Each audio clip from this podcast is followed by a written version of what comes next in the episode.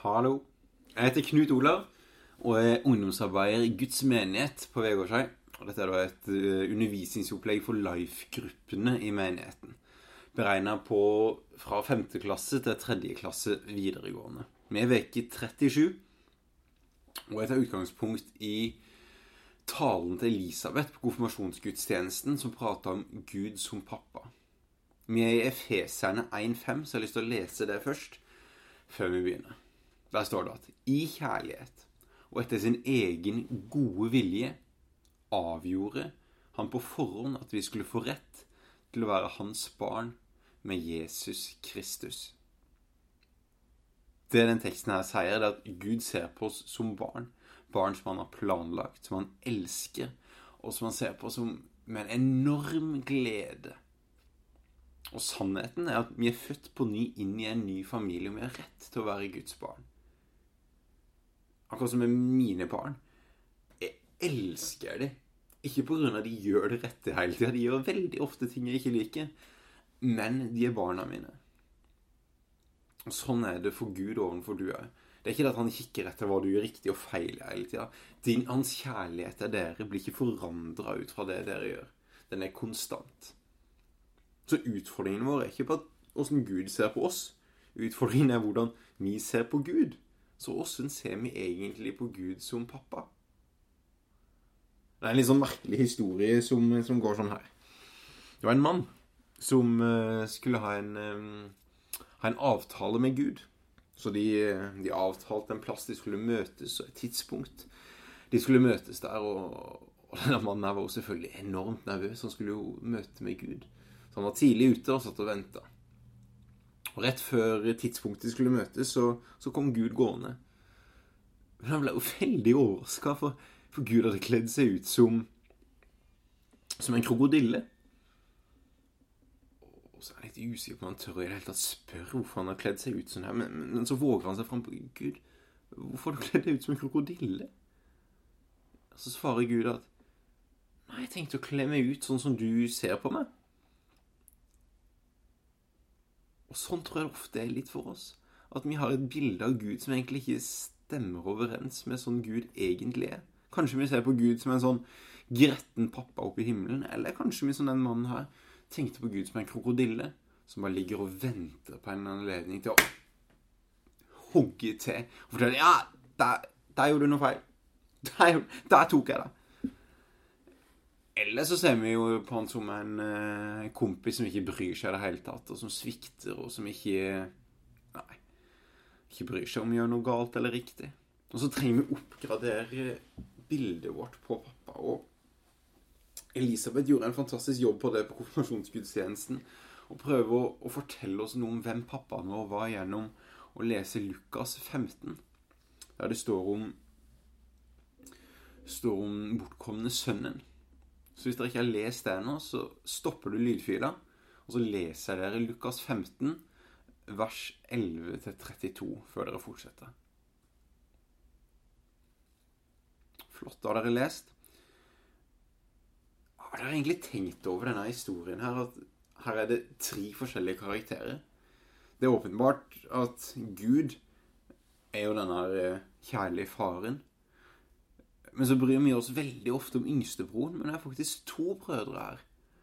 Og det som er litt sånn artig, det er at når Jesus snakker her, så er det to grupper med mennesker som står og lytter etter ham. Det ser vi tidligere i kapittelet. At det er en gjeng med, med folk som ikke klarer helt dette kristenlivet.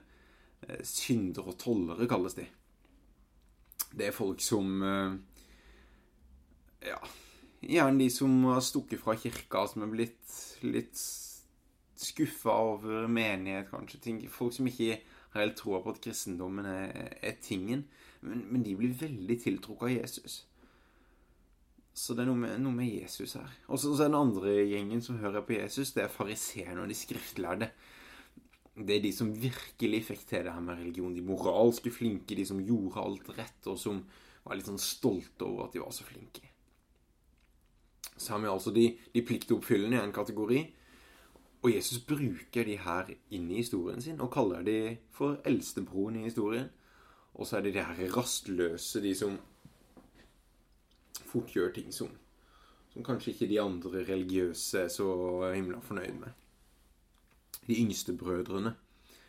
Og jeg tror òg for dere som, eh, som sitter nå i de ulike bibelgruppene her, så tror jeg dere ofte kjenner dere litt sånn igjen. Enten er dere litt sånn den pliktoppfyllende typen.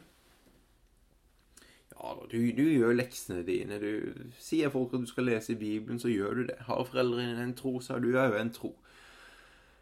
Og du får ofte gode tilbakemeldinger, og er litt stolt at du ofte gjør det rette. Og så er det dere som er ikke helt passer inn, da. Du gidder ikke helt å høre på det foreldrene sier. Det er kanskje en liten utfordring på skolen. Du tester egentlig ut litt sånn din egen vei, og du føler deg litt sånn i, i kategorien til denne yngste broren. Og Jesus taler egentlig til begge de, dere to her i dag. For en fellesnevner er at ingen av de som egentlig kjenner pappaen sin. Han eldstebroren han visste jo ikke at faren egentlig likte å arrangere fest. Han visste jo ikke at faren egentlig ville at han skulle invitere venner hjem. Og han visste ikke at han egentlig brydde seg mer om, om, om den yngste sønnen enn om hva den yngste sønnen egentlig hadde brukt pengene sine på. Hadde han kjent faren sin, så hadde han jo visst det her. Mens den yngste broren han kan heller ikke kjent faren sin, for han trodde kanskje at faren skjulte noe for han. Siden hvis han kunne få pengene sjøl, så, så kanskje han greide å tjene opp enda mer penger enn når han bare skulle få pengene når faren døde. Så, han ville gå sin egen vei, teste det ut sjøl. Han trodde at faren ikke Og han trodde at uh, faren ikke ville godta han som sønn etter det han hadde gjort. Etter at han hadde kasta bort alle pengene, så kom han tilbake og tenkte Kan i hvert fall ikke være en sønn, men kanskje jeg kan være en tjener. Ingen av de kjente egentlig faren sin. Og så, så hvem føler du at du ligner mest på? Er du den igjen som gjør de riktige tinga, gjør alt rett, passer på at alt er på stell? Og kanskje fort ser ned på de som ikke klarer det sånn som du?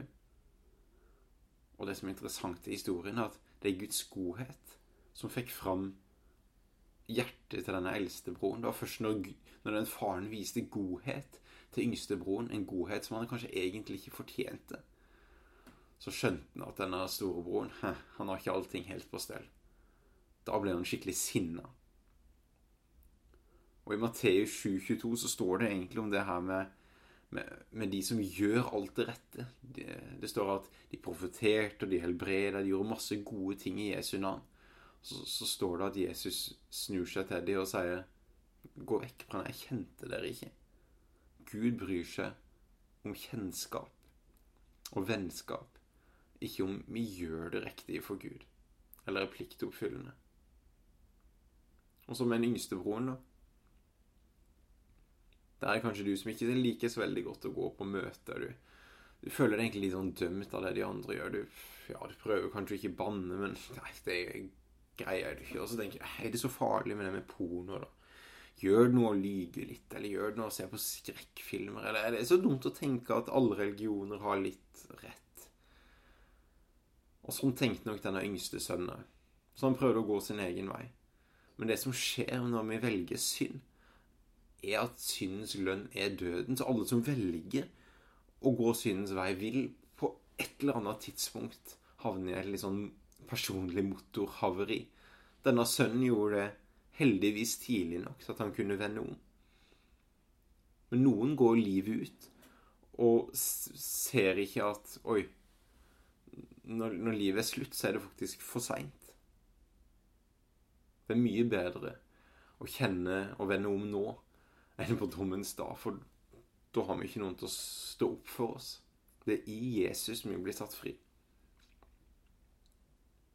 Så for dere som er litt den rastløse typen, da håper jeg at dere møter Jesus og skjønner at ja, det er faktisk et problem å begynne å lyge og gjøre det til en livsstil. Det er faktisk et problem å bli avhengig av pornografi. Det er faktisk et problem å tenke at alle har sikkert rett på grunn av det fins faktisk en sannhet. Så fellesnevneren for begge de her brødrene er at de må vende om. For eldstebroren så må de gjerne fortsette å gjøre det, gjøre det rette, men ikke gjør det for å få status av mennesker, og ikke gjør det for å bli godkjent av Gud.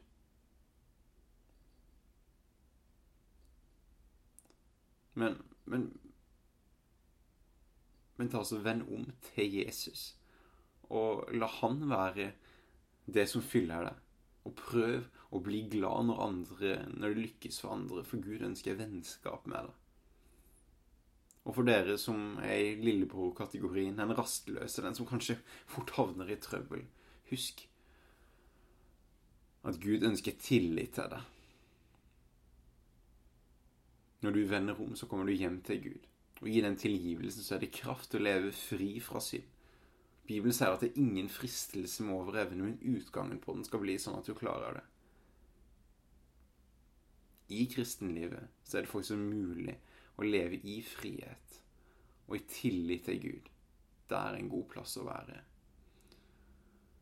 Og når vi får det forholdet til pappaen vår, uansett om det er den pliktoppfyllende, og greier å se at pappaen din egentlig ønsker vennskap med deg først og fremst, og du som den rastløse skjønner at pappaen din egentlig ønsker at du skal ha tillit til han, sånn at du slipper å prøve å gå din egen vei, men du skjønner at han ønsker det som er best for deg, da kan du få et forhold til pappaen din og du kan begynne å se på deg sjøl som en sønn eller som en datter. Og da kan vi gå tilbake til Efeseren og se at Oi, tenk at vi skulle få rett til å være hans barn i Kristus Jesus. Amen.